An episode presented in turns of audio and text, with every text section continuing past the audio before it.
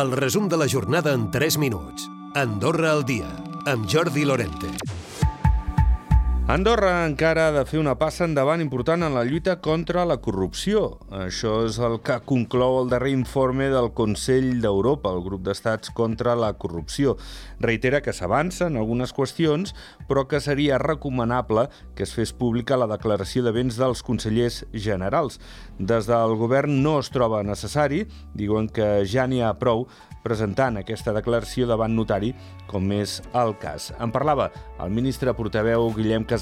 Jo crec que aquesta ha de ser la voluntat de la mesura i no ha de ser la d'intentar eh, esbrinar quina és la situació patrimonial de cada una de les persones que fan la declaració. No? La voluntat és la d'impedir la, la corrupció i aquesta és l'autoritat la, o la, l'objectiu principal del Greco en aquest sentit. Per tant, aquesta eh, necessitat ja està coberta. El Greco reconeix que algunes de les recomanacions que es van fer el 2020 s'han acomplert, però alerta de la importància de seguir treballant en les que no. Demana un esforç més i implementar tot l'informe abans de l'estiu vinent. 28,3 milions més i ja en van prop de 50, concretament més de 47.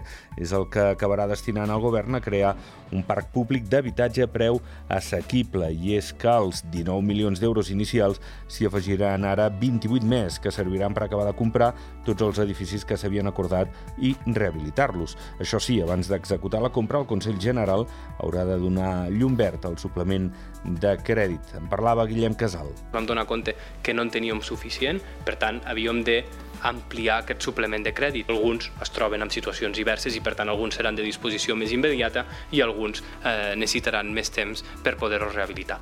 Una mesura que, segons el govern, servirà per destensar la problemàtica i incorporar uns 200 habitatges nous al mercat. I el sector privat estarà representat per primera vegada en el Consell d'Administració d'Andorra Turisme. Ho faran les persones de Sònia Llebre, en representació dels comerciants i del transport de la Cambra de Comerç, el Jordi París, com a representant dels allotjaments, i Josep Marticella, del grup de producte del sector privat del turisme de la Cambra de Comerç, Indústria i Serveis. Liberals no se sumarà al pacte d'estat de la Unió Europea si no es modifica la seva condició de partit sense representació al Consell General han rebut el primer esborrany, se'ls ha fet arribar des de la Secretaria d'Estat i en aquest cas eh, el situen a liberals juntament al nivell de tercera via i consideren que és una falta de respecte cap al conseller electe Víctor Pintos, que està no adscrit a cap grup parlamentari però al Consell General.